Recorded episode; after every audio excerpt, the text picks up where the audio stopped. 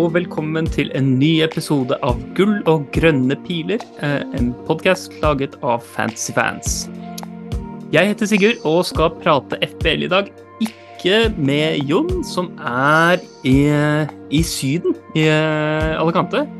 Men jeg har fått en helt uh, strålende gjest. Uh, vedkommende har tre plasseringer i topp 5000 med en bestenotering på 150.-plass i, i 2021-sesongen. Uh, og en historikk som setter ham helt opp på 128.-plass i verden på FBL Research sin ranking. Uh, I tillegg har han vært host på podkasten FBL Surgery, og vi kan trygt regne ham for en legende i fancy miljø. Velkommen til deg, Stefan Haugsrud. Ja, tusen takk, det var en veldig hyggelig introduksjon, må jeg si. Ja, jeg syns du jeg synes fortjente det. jo, takk. Uh, vi, uh, vi, prater jo litt uh, fantasy innimellom, uh, bl.a. På, på en chat. Og, jeg liker alltid å høre på hva du har å, har å si, enten det er der eller på uh, podkast. gjestingen og sånn som du, du, er med på. men så jeg ser fram til å få prate med deg, jeg, da. For det har vi ikke gjort før. Sånn, sånn på Tomasson? Nei, så vidt. Så vidt, på, så vidt mens vi så noe fotball ved julebordet i fjor. Eh, ja, ja. Det, det, nærmeste vi kommer, eller julebordshelga vi hadde.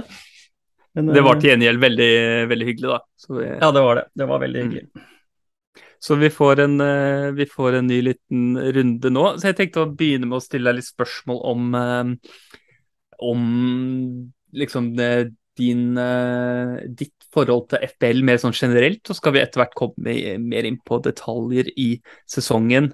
Men før jeg begynner å, uh, å stille spørsmål, så tenkte jeg å minne folk om at vi nå um, driver podkasten uten sponsor, og er derfor avhengig av eh, folks støtte for å kunne fortsette med dette her. Så vi har starta en Patrion-konto den eh, finner du hvis du går på patrion.com og søker på gull og grønne piler, så skal den lett dukke opp. Hvis ikke så kan du se på Twitter-kontoen vår uh, og finne lenker der. Uh, så da kan man støtte oss for ca. 30 kroner måneden, er det vel. Så det er ikke, det er ikke mye penger, men hvis vi får litt sånn støtte, så, så, skal det gå an å holde, holde, dette gående. Og i tillegg får du litt goder med på å støtte oss. Eh, så sjekk gjerne ut eh, det på patrion.com. Eh, men så skal vi inn tilbake til, til FBL her og nå. Jeg har Jeg har ikke tenkt at vi skal ha noen topp tre eller noe sånt denne, denne, episoden her. Jeg har forberedt noen spørsmål til Stefan, og så tenkte jeg at vi får, vi får nok litt diskusjon ut av dette. Så vi, vi tar rett og slett bare eh, gjennom en masse spørsmål fra meg, og som eh, noen av våre patrons har stilt på Patrion. Eh, så, så, vi skal sette i gang. Altså du, Stefan, du har ti sesonger med FPL bak deg. Mye har skjedd på den tida. Eh, det, hvordan opplever du egentlig at, at spillet har endra seg på den tida? Eh, nei, først og fremst så har det endra seg med at jeg, jeg ikke starter med Lukas Leiva i laget lenger. Det husker jeg gjorde første sesongen, så det lik, likte fyren. Så det, det, har gått, det, har gått, litt annerledes. Men det som har endra seg mest, tror jeg, er eh, Før så var det mye egentlig bare synsing. Hvem man likte, hvem man ikke likte i større grad. Og så er det litt sånn eh, også alle har jo et sted i den historikken sin hvor man begynte å spille mer seriøst. Uh, mm. Ofte sånn enkelt at man bare sier ja, men se på resultatene etter det og etter det. Men uh, det har nok sånn generelt så har det spillet blitt mindre synsing og mer uh, datadrevet, føler jeg da. At du ja. Før kunne du synes veldig mye og tenke ja, men han er, ser bra ut, han, han er offensiv eller et eller annet du har sett på TV til at du burde ha i hvert fall noe mer backing nå. Da. Det er vanskelig å foreslå spillere som ikke har noe god data bak seg, eller som ser ut til å liksom, ha de underliggende tallene på plass. Da. Og Så kan man selvfølgelig synse litt etter det med litt minutter og eh, hvor mye han tror du skal spille.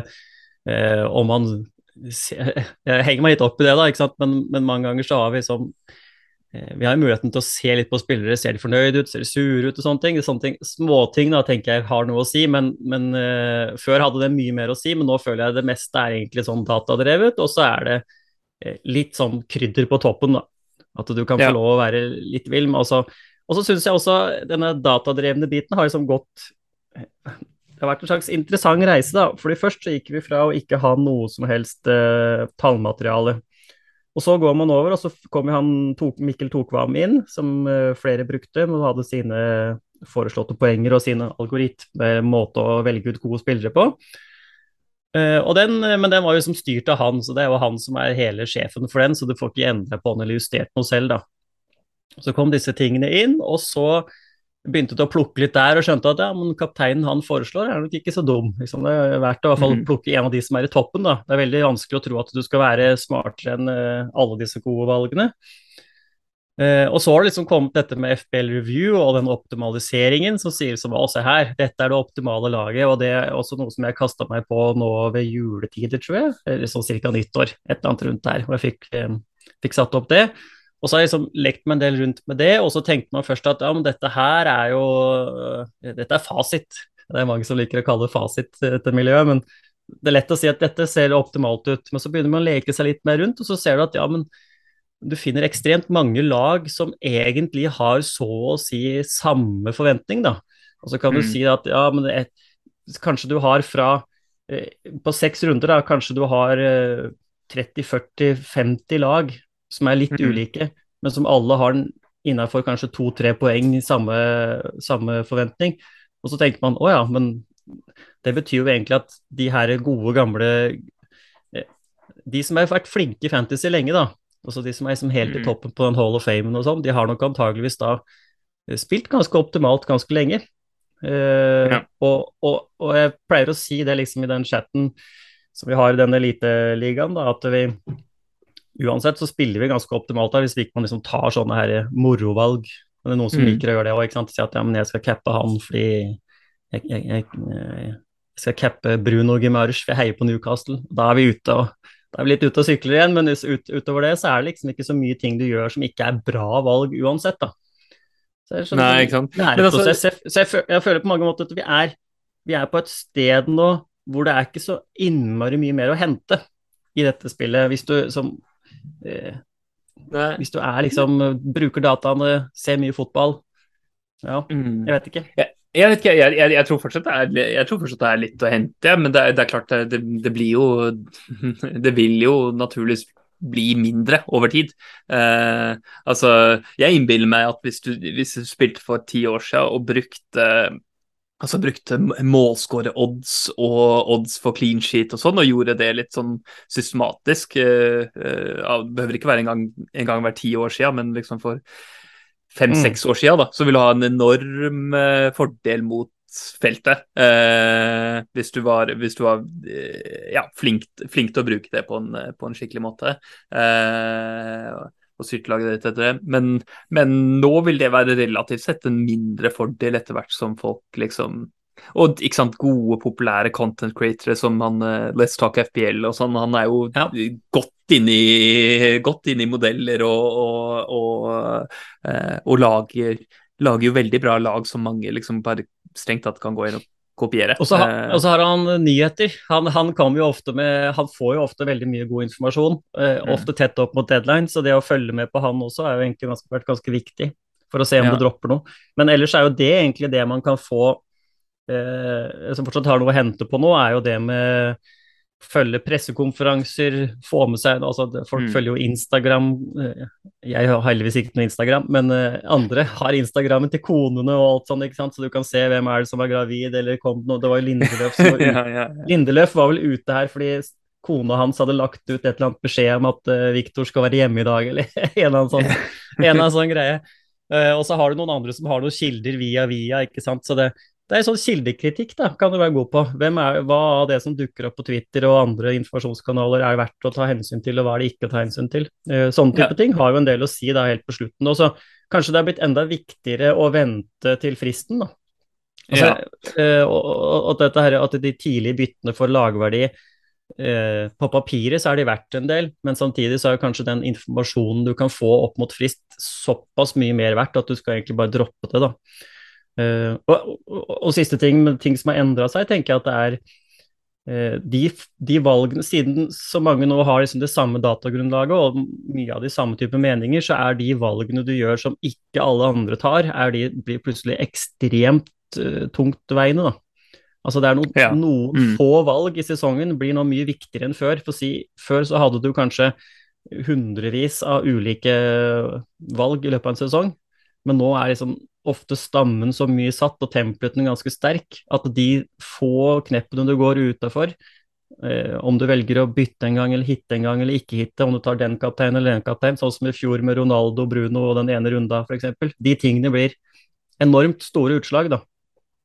Ja, jeg, skjønner hva du mener, men jeg, jeg har alltid litt sånn motsatt, eh, motsatt holdning der. Jeg. tror det er altfor lett å undervurdere hvor mange avgjørelser man tar i løpet av en uh, sesong. Uh, og det er liksom sånne ting som man ikke uh, tenker så mye på, da, men liksom den derre Altså de derre 4,5-forsvarerne du spiller som ofte er som ofte er annerledes enn de andre.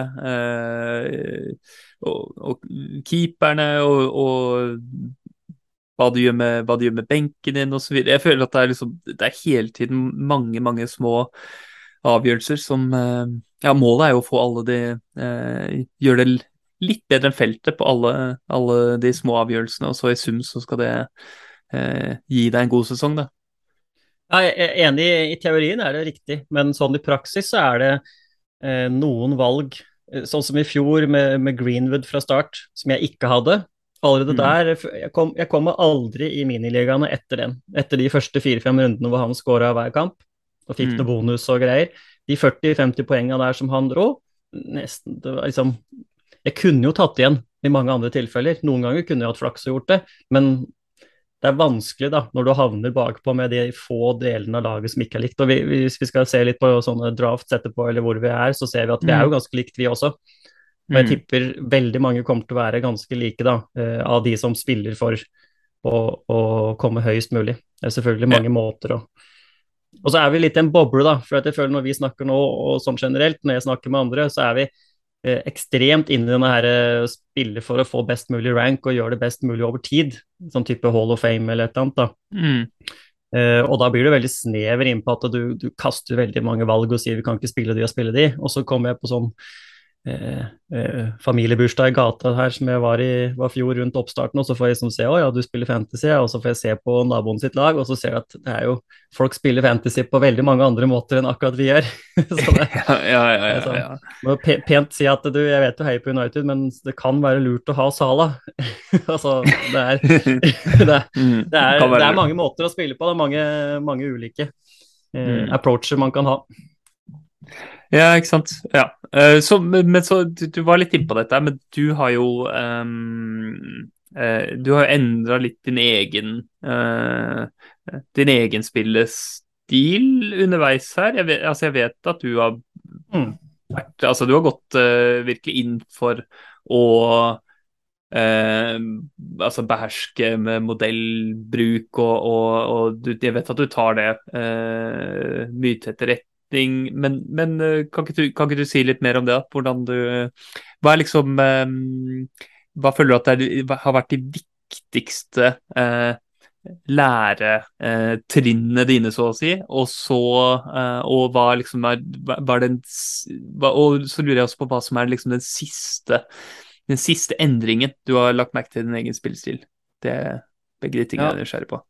Nei, alt går egentlig på det som eh, kvotering, da, hvor mye du klarer å gjøre i hodet på en gang. For det, det begynte jo sånn at man begynte å bli litt interessert, og så begynner du å se litt uh, hvilke gode valg som er gode, og hvem du skal bytte inn og sånne ting. Og så prøver du å se ja, men dette kan være bra denne uka, men hva med de neste ukene? Og så går du da ikke sant, via ja, du lager en notepad eller et eller annet enkelt, og så ser du ja, men det er for tungvint med notepad. Så da, jeg er jo sånn IT-mann uh, av uh, yrke. Så da mm. ble det til å lage Ok, det, jeg får ikke til dette her i hodet, jeg klarer ikke å holde alt i hodet, så da er det bare å lage noe Excel-ark. Og så lagde jeg noe Excel-ark der, noe sånne halvfancy greier. Det er vel en del, det er noen som har brukt litt rundt her og der. Eh, de hadde de, de som var på Surgery Patron en gang, husker jeg. De fikk Excel-ark hvis de ville, da. Uh, og så brukte jeg det, og så liksom dytta inn der litt XG-tall og sånn for liksom å prøve å gi en sånn bedre uh, fixture difficulty rating, da. Den her FD, FDR-en til uh, FBL er ganske dårlig. Mm. Synes jeg. I hvert fall for enkel, da. Så jeg prøvde å bruke noen XG-tall og sånn under der, men så innser jeg at det også er på en måte kanskje ikke godt nok. Og så har jeg, jeg har jo et ekstraark jeg har brukt til og med til i fjor, men jeg falt litt av egentlig det når jeg begynte med den optimaliseringsbiten. fordi det jeg egentlig vil gjøre i det Excel-arket, er å prøve å finne de, de beste movene også framover. Eh, mm.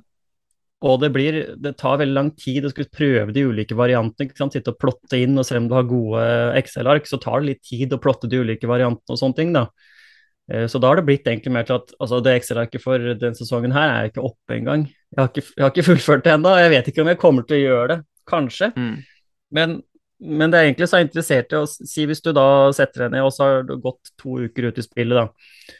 Og så skal du lure på byttene dine, og så sitter du på fredagskvelden og så kan du kjøre noen sånne optimaliseringer. Se hva er det den mener jeg skal gjøre. Og så sier han ah, men han mener at du skal kjøpe Matip, sånn som i fjor. Alltid kjøpe Matip. Og så sier jeg nei, glem det, kjøp noen andre. Eh, og så tviker du den litt, og så som jeg sa sist, og så ser du liksom på at de, de, fleste av valgene du har, er egentlig ganske like. Det skiller kanskje bitte litt, men jeg stoler ikke så mye på disse tallene som kommer ut av review eller noe annet heller. Mm. Og som du var innom, du, det er lett, det er mange som ser på de veldig og sier at dette er, dette er ja. Nei, kan jeg, bare, jeg vil bare avbryte, for dette, Det morsomme der er jo at uh, Matip For jeg var med på det samme. ikke sant? Jeg chatter med en del av de som, uh, som, som bruker ganske mye tid på optimaliseringsmodellene sine. Uh, og det var liksom en, en, løpende vits, det at Matip ble foreslått. Og han sanka jo så vanvittig mye poeng også! Så ja. hadde vært, eh, det, hadde, det, hadde, jo vært dødsbra om han hadde hørt på, hørt på modellen, og, og, eller modellene eh, i ja. dette tilfellet, eh, og, og, og kjøpt Matip. Ja. jeg er enig i det. Det funka veldig bra. I hvert fall, i, hvert fall i fjor funka det bra. Men, mm. men, poenget er mer at du kan, du kan si Du har jo noen ting du har lyst til å gjøre med laget ditt det, det er sånn er det for meg når jeg ser mye fotball og, og, tenker en del fantasy, i hvert fall som går og surrer i bakhodet, så blir det en slags sånn sanity check. da. Er det jeg tenker å gjøre, OK eller ikke? Og så trenger man ikke nødvendigvis å henge seg så mye opp i, opp i om, om, jeg kan få ett poeng mer over seks uker hvis jeg gjør en eller annen type move som jeg syns bare skurrer, sånn intuisjonen min sier at dette her er ikke bra så, mm. så, dropper jeg jo det. Også, men det er liksom, hvis det er fem poeng liksom, unna, så begynner du å si ja, men her burde jeg tenke meg om. Her er det et eller annet, er det noe jeg misser eller ikke. Så, mm. så det er egentlig, og, og, med den approachen så tror jeg ikke nødvendigvis at jeg trenger så mye mer, da. At jeg, jeg ser mye fotball. Uh, har en del som går i bakhodet, har en del spillere, chatter jo en del på Twitter underveis i uka. Og så er det en sånn liten sånn sanity-sjekk på slutten. Er det noe jeg går glipp av? Er det noe jeg bommer? Er det noen ideer som jeg burde tenkt på, som det kan hende dukker opp? Mm. Uh, og utover det så tenker jeg at det ikke er uh, så mye mer jeg trenger, da. Uh, vi får, får, se hva det, hva det, blir til i år. Men ja. det har på en måte ja, du... endra seg veldig, da. Jeg har blitt veldig Man blir jo til slutt veldig sånn datadrevet av det, men, men samtidig så er det på en en, måte å spare tid på. Istedenfor å flikke på et Excel-ark i sju timer, så kan du eh, la dataen jobbe litt for deg i ti minutter, og så har du egentlig det samme resultatet. Ja, ja. Uh, for, de som, for, de som, lurer på, så uh, er det du, det du bruker vet jeg, eller er, er ja. ganske trygg på, det er vel, det er vel Sertalp sin, sin optimaliseringsskript, er det ikke det? Jo da, så at det ligger ja. åpent, så alle med litt ja. uh, datakunnskap får til det. Uh, ja, ja. Som går i, i Python, ikke sant. Ja, men det, er, men det er, lett å la seg altså, bli litt forvirra, for det er liksom lett å si sånn der Å, her får du en sånn kjempe Her er en optimal løsning, og vi må gå for den. Men så når du graver litt, så ser du at det er veldig mye du kan gjøre som er nesten helt optimalt, da, i den, i, med hermetegn hele tiden, dette her, da. Ja, ja og det, kan, det, er ganske mye jobb, vet jeg, hvis du skal drive og, og, og kvalitets kontrollere valgene dine fra litt ulike vinkler, liksom, og så, og så teste, ja. fordi at det kan eh, Ikke sant, den, eh, den, Det optimale løsningen kan jo være ganske eh, Hva er ordet? Eh, liksom sårbart da, for, for eh, skader eller endringer, eller om et eller annet er litt feil, liksom. Så du vil ha Det man vil ha, er ganske at valgene dine ikke bare skal være eh, optimale gitt en, liksom et sett med poengforventninger, men også at de skal være robuste for endringer i hva som kommer til å skje. og sånn, og det, For, å, for ja. å komme fram til det, så er det jo mye mer jobb som, som, trengs å gjøres. Så, der, så der tror jeg det lønner seg å ha en sånn god sånn der, at du, du har litt FBL-erfaring da, med liksom, tanke på struktur, eller hvordan du mm. kan gjøre det sårbar, ikke sant, eller mm. Jeg vet ikke, du, du bygger opp litt sånn Det er vanskelig å bygge intuisjon på Fantasy, men mm. det er ikke umulig å bygge opp litt intuisjon, i hvert fall. Og så tenker jeg at det Jeg prøver å være jeg er Helt enig med deg, altså. Mm. Ja. Så jeg å være ydmyk og, og si at eh, det er fortsatt mye jeg ikke kan, det er fortsatt mye jeg ikke eh, vet nok om, eller, og jeg skal i hvert fall prøve å tilpasse meg verden. Og det tenker jeg er en greie som i hvert fall mange av de her gamle Hall of Fame-gutta på Scout sin uh, sak, uten å nevne noen spesifikke, som er sånn De, de henger seg veldig opp i uh, Jo, men i 2016-2017 så hadde jeg en smashing-sesong, og da gjorde jeg ditt og datt. Da stolte jeg på magefølelsen, eller da, da kjørte jeg alt det, altså et eller annet sånn rar måte logikk, da. Kanskje de bare hadde mye flaks. Altså, det er verdt å være litt ydmyk da, og prøve å tilpasse seg alt det nye som kommer, og ikke mm. Eh, ikke henge seg opp i noe som funka en eller annen gang. Ja, nei, man må, man må liksom eh, Man må på den ene siden på en måte bygge opp og stole på Men man må liksom jobbe litt med sin egen intuisjon, da. Det er, ikke, det er ikke bare noe som skal liksom komme av seg selv. Man må på en måte eh, Man må tenke Spørre seg kritisk liksom når du får et hunch om et eller annet. Så må, du, må man liksom prøve å forstå hvor det kommer fra, og se hva som kan være liksom gode grunner mot å, mot å gjøre det. og sånn. Men det å, det å, ha en sånn kritisk tilnærming tror, tror, jeg absolutt som du sier, man kan liksom bygge opp en god intuisjon for fantasy. For, uh, og en del av de tingene med liksom lagstruktur og sånn, det prøver jeg å ta med meg, enda så uh, opptatt jeg er av å følge modeller og sånn. Uh, så, mm. så, vil jeg er det en del lagstrukturting som jeg holder fast på liksom til tross for hva en modell måtte foreslå. Vi eh, skal litt videre her, tenker jeg. Jeg tenker vi kan gå litt inn i den eh, Litt sånn overgangsspørsmål her først, fra, fra eh, Viktor Grindheim, som spør på Patrion eh, om vi kan diskutere våre tanker rundt spillere med høy eierskap og risikostyring tidlig i sesongen. Er dette noe dere kalkulerer inn i valgene deres, eller tar dere vurderinger utelukkende basert på poengforventninger? Vil du, um, vil du si noe om hvordan du uh, gjør det, Stefan? Ja, Det kan hende vi eh, skilles litt her, da. For at jeg, ja. Eh, jeg er på den siden av saken hvor jeg tenker eh, Hvis alle de, eller hvis 80-90% av de jeg stoler på og snakker fantasy med, og som er av de spillerne som jeg mener er av best kvalitet. Hvis de har én spiller i laget sitt, og selv om den spilleren skulle være da potensielt litt suboptimal eh, gitt disse eh, algoritmene så lener nok jeg på å gå med markedet, og altså da de gode spillerne som da velger å ha den spilleren inne. Eh, det typiske her er jo egentlig Gabriel Jesus som det har vært noe diskusjon på, hvor jeg er egentlig ikke så interessert om, om du kan få ett eller to poeng mer ut av de første seks rundene ved å gå noe annet eller et eller annet, det, det, er egentlig litt irrelevant, tenker jeg. Fordi jeg har ikke lyst til å sitte der Litt av den Greenwood-saken i fjor, da. Jeg har ikke lyst til å sitte der igjen uh, og se at uh, Jesus har en kjempestart, og så sitter du, og så er jeg hekta av liksom miniligaer og sånne ting allerede så tidlig. Uh, mm. Selvfølgelig er du ikke ordentlig, du er ikke ordentlig hekta av, det er ikke det. men men, og det var liksom noe jeg fokuserte på litt mer i fjor. For at jeg, jeg, tenkte Jeg så sesongen før da jeg ble 150. Da tenkte jeg at det hadde egentlig vært tatt litt for mye risiko. Eh, jeg kunne egentlig justert det ned noen hakk og fortsatt gjort det veldig bra. Egentlig ikke ødelagt mm. noe særlig for meg.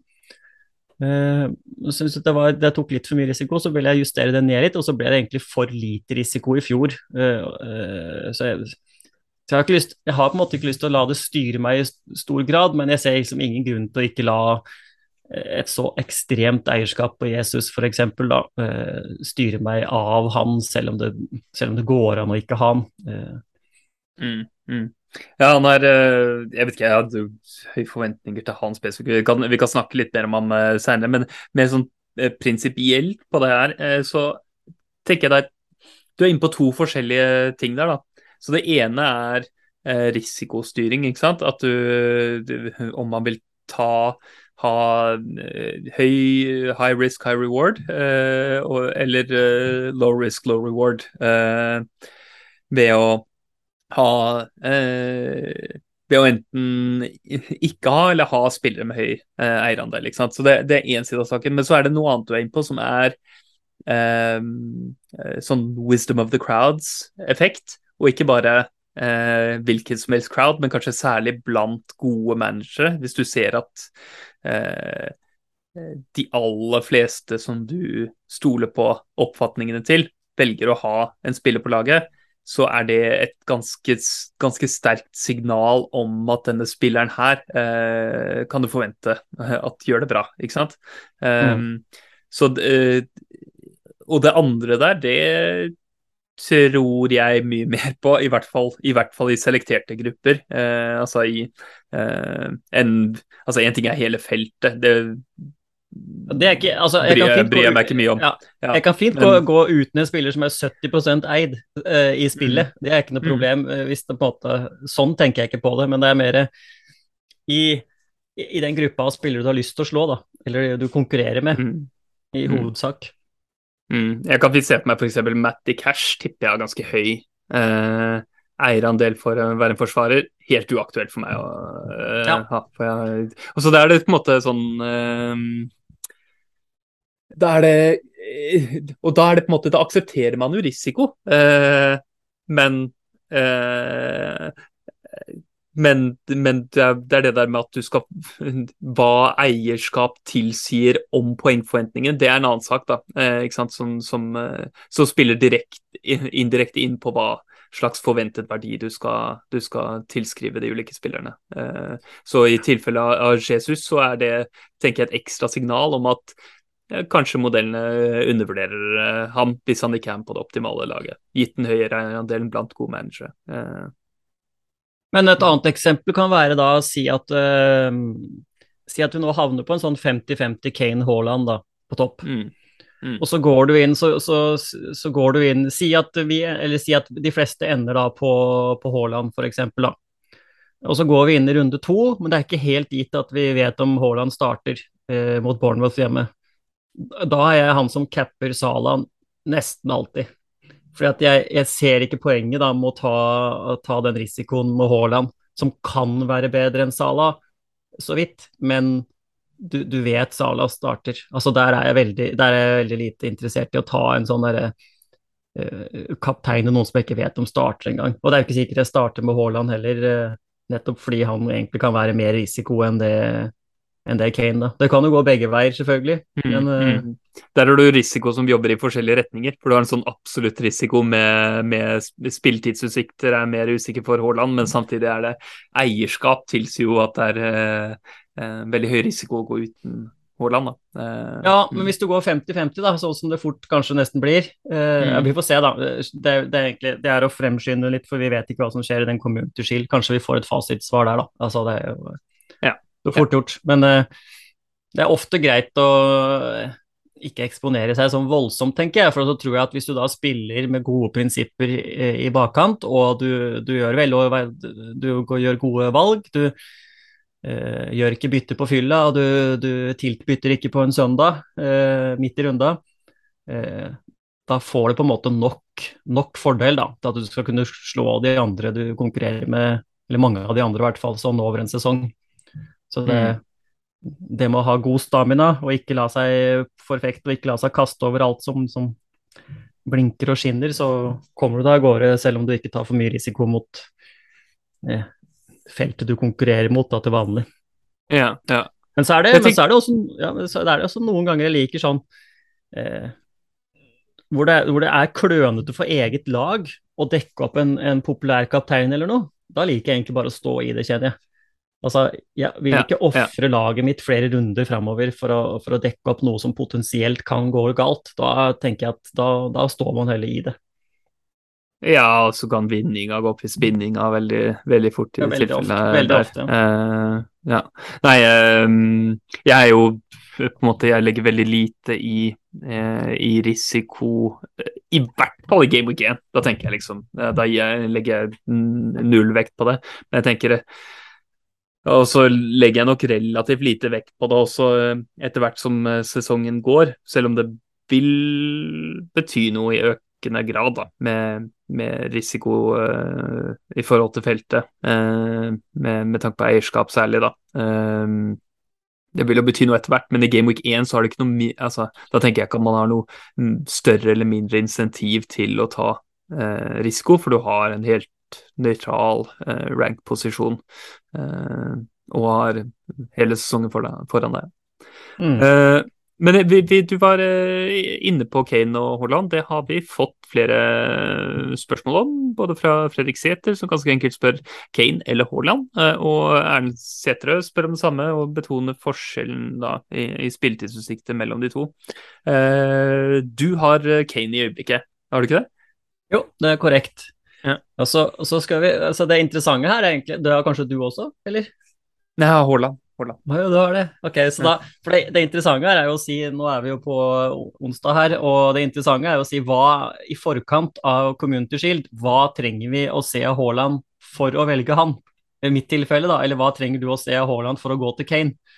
Altså, mm. eller ikke se Haaland, da, i den, i den forstand. Og så tenker jeg, hvis, hvis Haaland starter Community Shield og får seg en 60 minutter, da mm tenker jeg at det er nesten en god nok case til å gå Haaland over Kane. Ja. Eh, hvis han ikke starter, så lurer jeg på om jeg bare rett og slett må stå med Kane. Altså, det, det, er veldig det er veldig Du gir bort en veldig veldig trygg eh, posisjon i Kane. altså. Så 15 hjemme første kampen nå, det kan jo virkelig smelle. Eh, mm.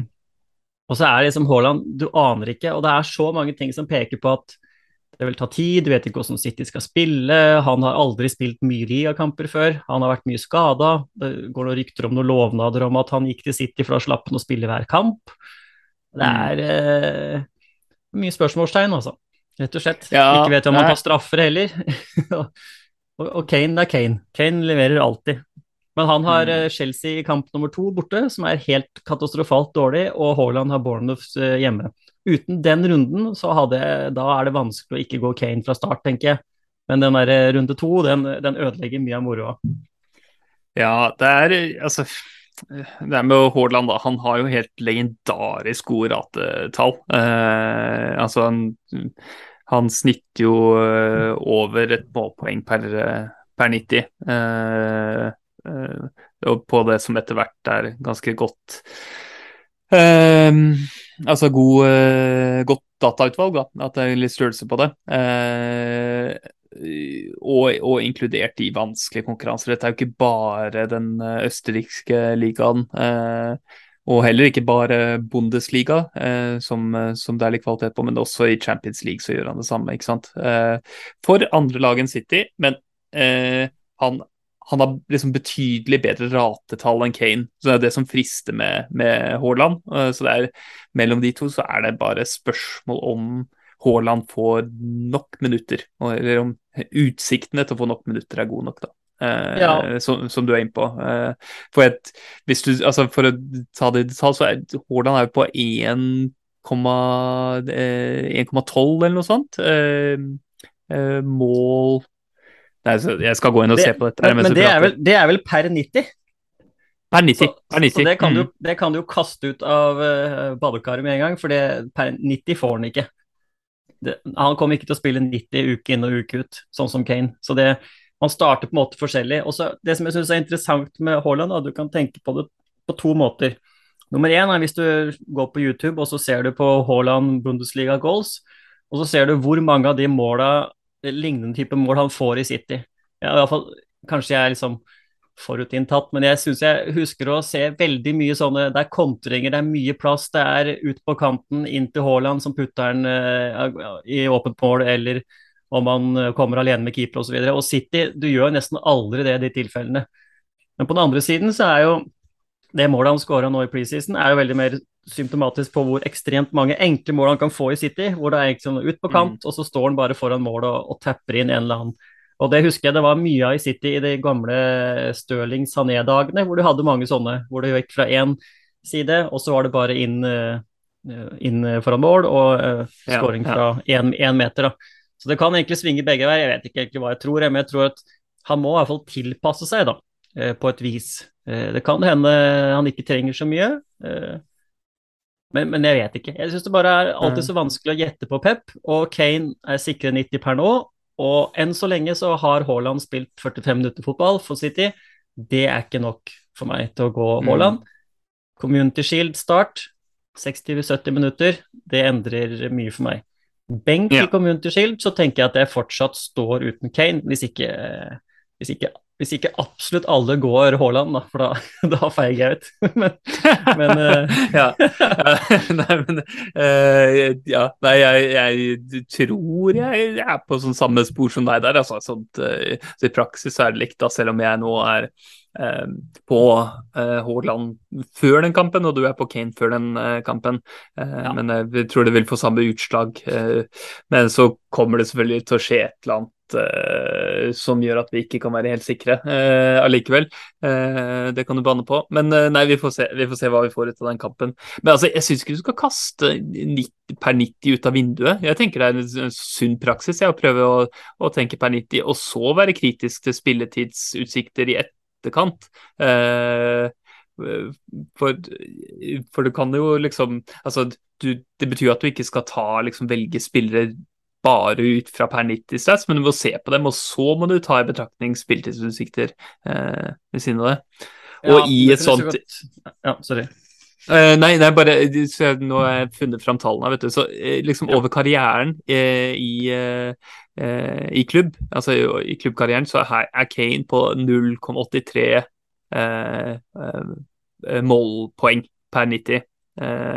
mens Haaland er på 1,31 Eh, og dette er jo veldig liksom grove tall over veldig, eh, veldig store utvalg, men om det liksom eh, Om de ligger ca. på det, da, eh, i, i, eh, i, sesongen som kommer nå, eh, for klubbene de spiller for nå, så er det fryktelig fristende med, med, med Haaland, altså. jeg, jeg er helt enig. Han skal jo inn i en vanlig situasjon her. Spørsmålet er jo da i hele tatt om han skal starte. Mm, altså mm. om han er sikker nok til å starte.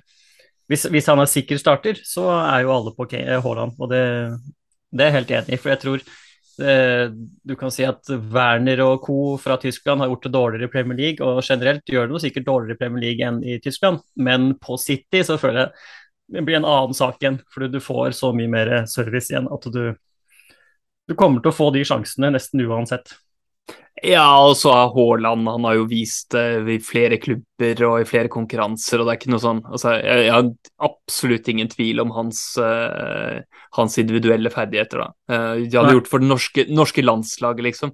Ikke, han bøtter jo inn der òg, så uh, han, han individuelt har jeg veldig tiltro til. Så det er bare spørsmål om minutter, da. Mm. Det er spennende du, å si. Jeg påstår det benk i helga, og så da starter man kanskje uten. Og så får man heller ta den ekstremt vanskelige avveiningen om å bytte allerede runde to hvis eh, Haaland plutselig starter mot Westham og gjør det kjempebra. og så får vi se. Ja, uff. Ja. Ja, det blir liksom at, men, men det, det, dette får du, løse, du får løse det neste uke på neste, neste pod. Ikke sant. Ja, vi får, eh, skal få en liten, en, en kort prat med, med, Jon når han kommer tilbake, eh, før, eh, før, sesongen eh, sparker i gang. Eh, men vi må, vi må, litt videre her. Vi, eh, Ole Småland spør hvor tungt man skal veie inn preseason-resultater versus hvordan spillere presterte i forrige sesong. Hva sier historikken? Jeg vet ikke om altså, du har sett på historikken, Stefan, men, eh, men jeg, jeg, hvordan veier du det selv? Jeg så vel et tall om at det korrelerte med 0,14 eller noe. Eh, Preseason-resultater og tall opp mot eh, faktiske Eller preseason-resultater opp mot eh, faktiske resultater, da. Er det, er det sånn Pearson coefficient det her? Jeg husker det. Altså sånn hva enkel koeffisient? Jeg så en R på 0,14 et eller annet sted, som betyr at det korrelerer nesten ingenting. Så det betyr ja. at du kan egentlig gi blaffen i disse preseason-resultatene. Og det mm. er jo litt sånn det er jo, litt, det er jo egentlig ganske greit å se, da, for du kan jo tenke uh, Ja, United slo Liverpool 4-0, da må vi ikke ha Liverpool-spillere. Og Arsenal slo Chelsea 4-0, da må vi i hvert fall ikke ha James. Altså, det, det gir jo ikke mening. Nei, uh, nei. Vi, vi, må på en måte kunne se litt bak det, da. Og så er det, det er veldig mye ymse lag og lagoppstillinger og hvor, hvor mye kjørt de er i trening osv. Noen kan jo ha hatt mye mer fysisk belastning enn andre. Noen bruker det for å få opp kondisjonen. Altså det er så mye eh, Det er mye ymse, da. Så jeg tenker at det ikke er verdt å legge så mye vekt på det, annet enn hvem som skal starte å spille fotball. Hvilken runde, liksom, hvem som er klare for å starte. Sånn som Haaland, da, ikke sant. Ja, ja. Og, er, og, da er det eh, viktigste er egentlig den siste, eller de to siste kampene eh, som hvert lag spiller i, i preseason. Det er de man vil mm. se på. Det er de tidlige preseason-kampene betyr jo virkelig ingenting. For det, det, er ikke da trenerne begynner å, å Eh, skal ta generalprøve for, for eh, lagoppstillingene sine og sånn. Eh, da, altså Sånn som Tuchel har jo liksom eksperimentert med, med, lagoppstilling sånn som man ikke ville gjort i vanlige, vanlige kamper. Så mm. ja, det, jeg er helt, helt, enig med deg der. Og det, det, kan ikke måle seg mot den altså prediksjonskraften du får fra å se på tidligere sesonger, eller til og med hele karrierer til spillere. Og så er det interessant med City igjen, da, fordi Pep bruker jo stort sett eh, starten av sesongen som sin preseason. Har vel, de har vel spilt er det én eller to kamper? To kamper, og så er det Community Shield, og så er det på, på Premier League-start, tror jeg. Så, så, igjen så er det sånn, det er lite sånn Apropos der med at han, han bruker ofte litt av starten av sesongen på å kjøre opp laget. Så det kan jo hende det blir litt mer rotasjon der òg. Fem bytter og alt. Ja, ja, nei, han, han, gjør, eh, han, gjør, i det hele tatt Det, det føles som han styrer liksom det laget med, med, hvordan folk skal spille sånn helt annerledes enn noen andre, eh, noen andre trenere. Og det der med Som man ofte holder på med å ha spillere som ikke får spille så mye første sesongen de er der, og så får de spille mer i andre sesongen, eh, eller i tredje sesongen. Det, det er også en liksom unik pep-greie. Så, så, det er alltid mm. spennende å se hvordan, hvordan dette tar form eh, med spiltidsutsikter for det eh, veldig gode laget han styrer. Eh, etter hvert som vi kommer, kommer, i gang her. Men det store spørsmålet han må avgjøre først, er jo, er jo Haaland eller ikke, selvfølgelig. Um, vi skal få med et uh, spørsmål til, tenker jeg. Uh, eller vi kan ta, vi kan ta uh, Vi tar en kjapp en først her nå, og så tar vi siste spørsmål etter det. Kyrre Kristiansen spør om Gabriel Jesus er obligatorisk gitt den høye eierandelen pluss god preseason-form. Og hva er ditt enkle svar der, Stefan? Ikke pga. den høye eierandelen i spillet overall, men pga. den høye eierandelen i i mine kretser så vil jeg si at han er obligatorisk. Ja. ja Den preseason-formen vet jeg ikke helt så mye av. Altså, jeg skulle likt å se Arsenal få en straffe, da, i og for seg. Håper de får en straffe nå siste kamp med toppa mannskap. Jeg har lyst til å se hvem som tar den straffa. Jeg ser at det er mange mm. som mener at det helt sikkert ikke er Jesus, fordi han har vært dårlig på dem, men eh, det kan jo hende han tar de. Hvis han tar de, så er det i hvert fall helt Selv om han har bomma en del før, så føler jeg at han, det, det er verdt noe allikevel, da. Men uh, mm. Mm. Jeg, jeg, tror bare det er, det er, greit. Greit å begynne. Jeg ser ikke hvorfor jeg skal ta den sjansen. Og så syns jeg heller ikke det er så veldig mange gode alternativer til han. Da må du, Hvem skal Nei. du ha da? Skal du det, er Mitro, det er Mitro, Mitrovic, da. Mitrovic, det er, spådom er at han er førstemann ned på 6-4-6-3. Førstemann til å ta to prisfall i sesongen. Etter å, ha blanka i alle de tøffe kampene, og så kan vi kjøpe han billig på wildcard, tenker jeg. Det er min plan, i hvert fall. Ja, ja. Nei, han skal, han skal inn, men ja. det, hadde vært, det, hadde vært, noe sånn vakkert i å bare backe ham fra start, og så bare ha ham, ha ham hele sesongen. Eh, men, bli, med, bli med, på nedtur, nedturen først, og så oppturen igjen. ja. ja det, kan, det, kan, det, er ikke utenkelig at han skårer litt i de tøffe kampene også. Jeg tror ikke Fullham er vel sterkere enn de har vært så tidligere, så ja. Men, men, ja. det, blir, av, blir avsporing, da, men jeg syns virkelig at vi, vi trenger å se at Fullham klarer å produsere noe for Mitrovic. For når han var oppe sist, forrige, forrige gang, så fikk han ingen service. og det, Hele Fulham-laget klarte ikke å spille sånn som de gjorde i championship, og de ga, klarte ikke å fòre Mitrovic, og han ble jo til og med benka en del. Eh, fordi at han, mm. han funka rett og slett ikke. Han blir for treig og for stasjonær og for tung på topp der hvis du skal ligge bakpå i store deler av kampen. Så, ja, så det, ja jeg tipper jo de kampene blir liksom de fleste. Se for deg Liverpool-kampen i første runde også. ikke sant? Skal Mitrovic drive og jage van Dijk og Konaté eller Matip oppi der? Det, det, det, ser ikke riktig ut, da. Kanskje de får en corner eller noe dødball og et eller annet han klarer å krige inn. Det er mulig, men mer sannsynlig at han kommer til å få en del blanks. Veldig, veldig tøft program i starten. Mm, mm. Jeg, da er det Jesus, da. det ja, det er det. Jeg, for, for, å gi mitt svar, så er det eh, Jeg tenker at Jesus er god nok til at jeg har ham på laget nå, men obligatorisk er litt sånn sterkt ord. altså For så mye bedre enn alternativene, tenker jeg ikke at han er. Eh, så eh, det, det, går an å lage god lag uten, uten Jesus der. Eh, men, men, som sagt, god nok til at jeg har ham inne nå. Eh, vi skulle få med en siste med, med, fra eh, Preben eh, Helle Viksnes, som spør om vi har noen tanker rundt prisingen av keepere og hva man bør velge. Han, det er jo litt annerledes prising i år, med hvor de beste keeperne, eller keeperne fra de beste lagene er priset litt, litt billigere.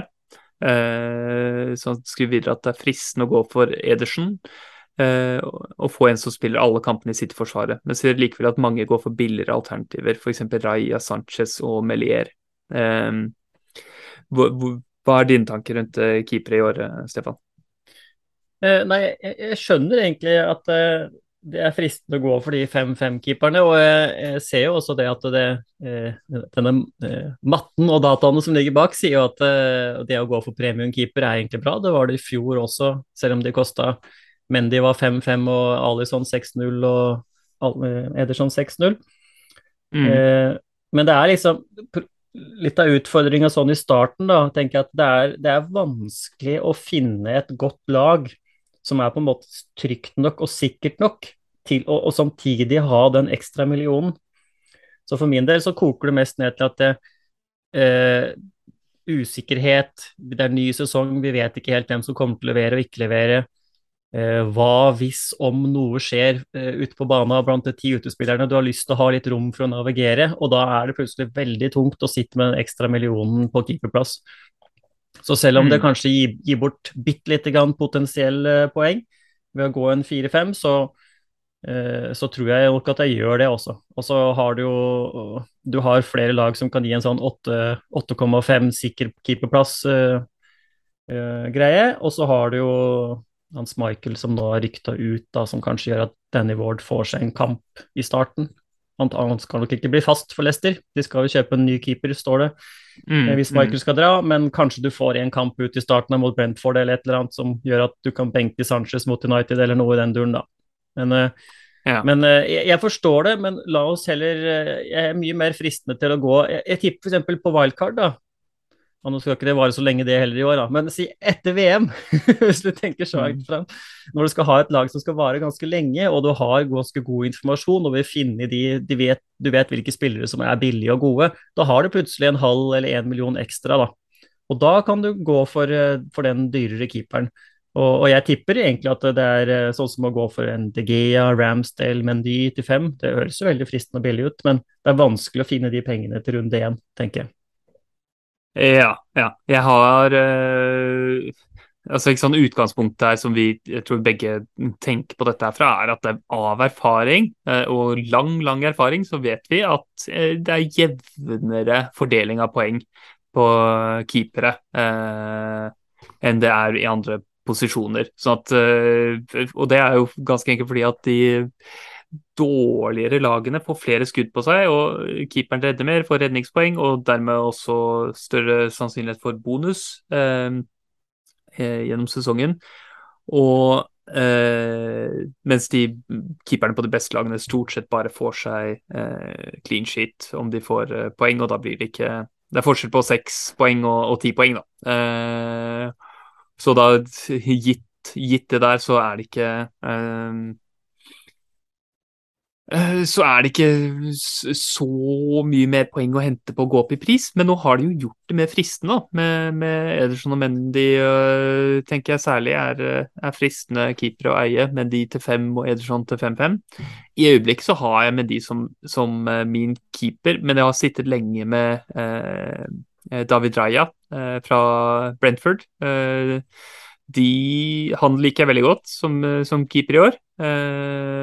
Det er en av, en av, lagene som har ganske lav eh, XG per skudd mot seg. Så det betyr at det kan du vil, det er en stat man kan se på, da, at det, det, er ikke veldig stor forskjell på lagene her, men noen er under eh, Noen lag er under 0,1 XG per skudd mot seg, mens noen lag er over 0,1 eh, XG per eh, skudd mot seg.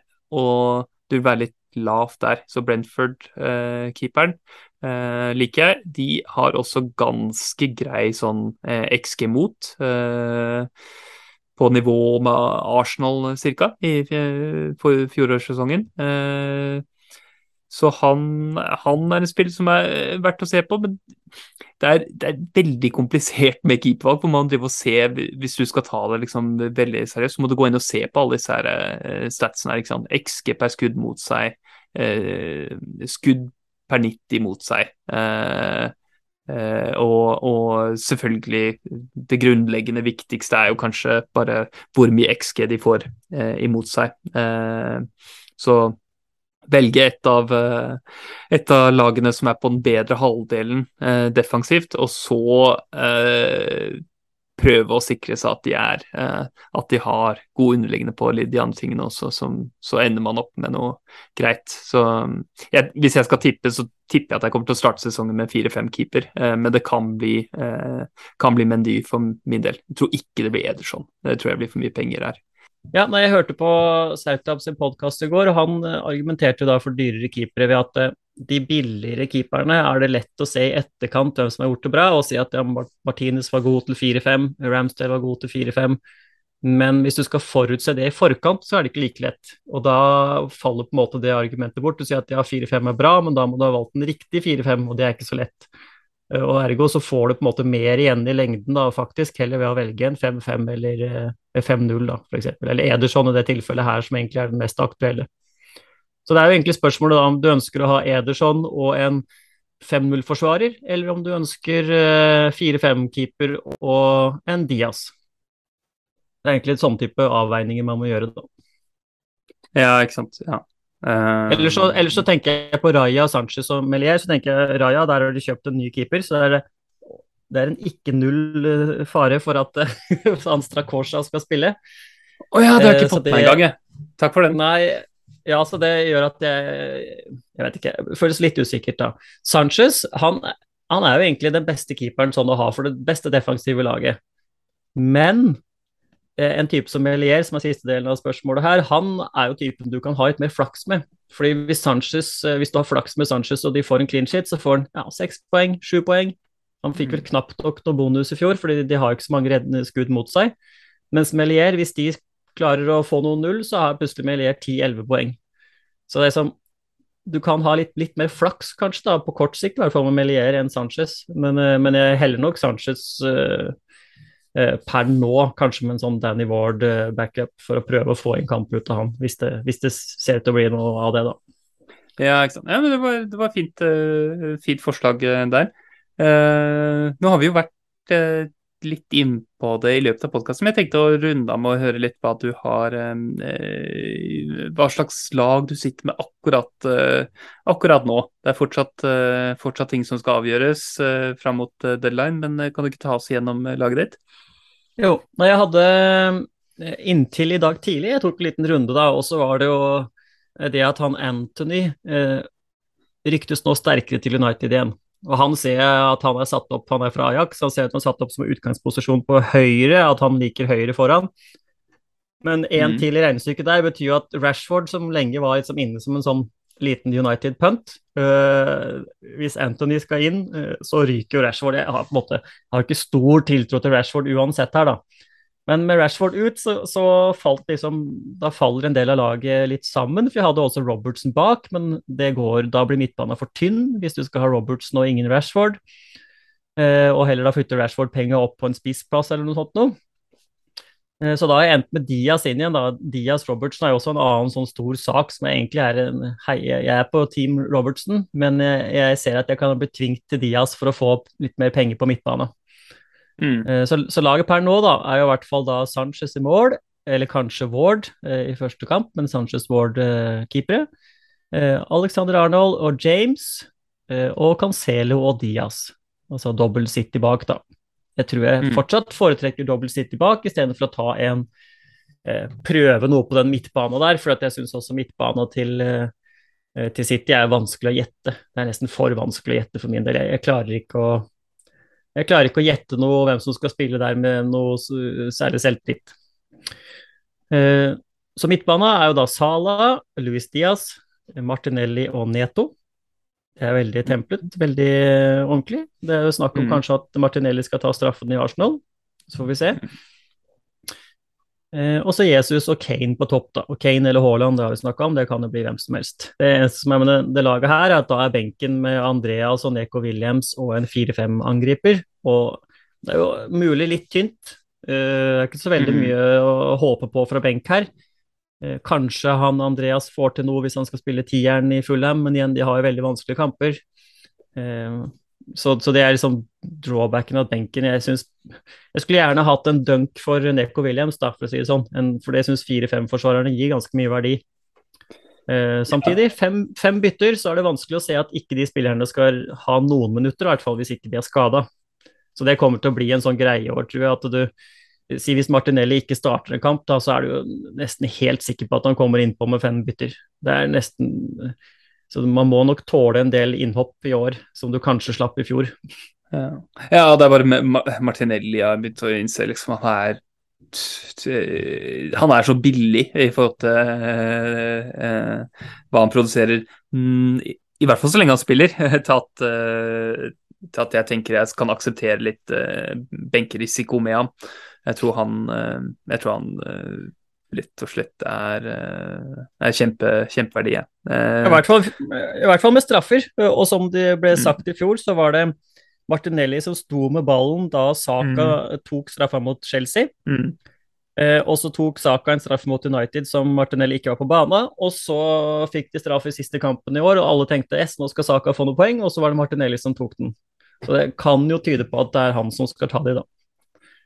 Ja, ja. Det, det, det, jeg forventer seks, også, men det er jo litt uh, usikkerhet, selvfølgelig, i uh, hvem som har straffen der i, i Arsenal. Um, men ja, jeg har Martinelli nå. Jeg har faktisk trippel Arsenal ser jeg, i, i laget mitt i øyeblikket. Så jeg har endra litt uh, fra forrige gang.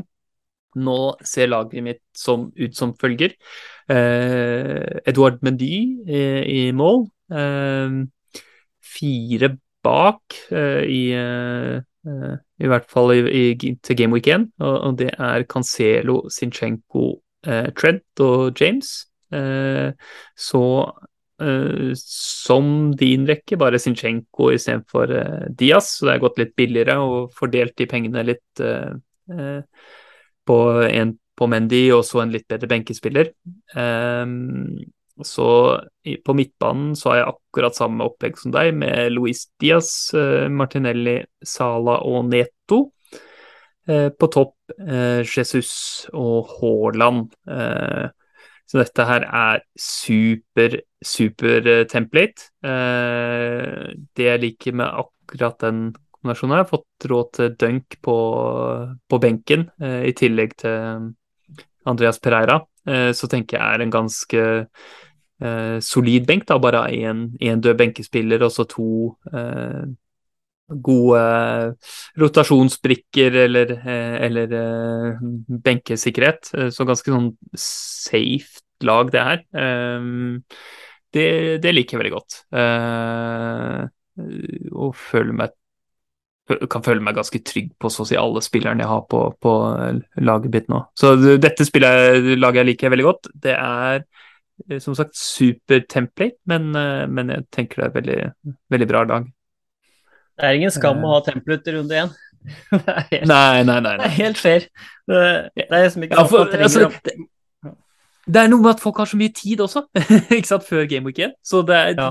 Og jo mer tid og informasjonsutveksling, og folk liksom rekker å konvergere på ca. det samme, i hvert fall de som prater mye fancy og ser mye på det, så er det, da er det helt greit da, å ende template. Det kommer til å det, Altså, ting skjer bare etter uh, fløyta blåser i gang første, første kampen, så er, det, så er det i gang. Og da få folk eh, Det blir høy temperatur, og folk gjør altfor tidlig bytter osv. Så, videre. så Så da, da, skjer det ting med en gang sesongen er i gang.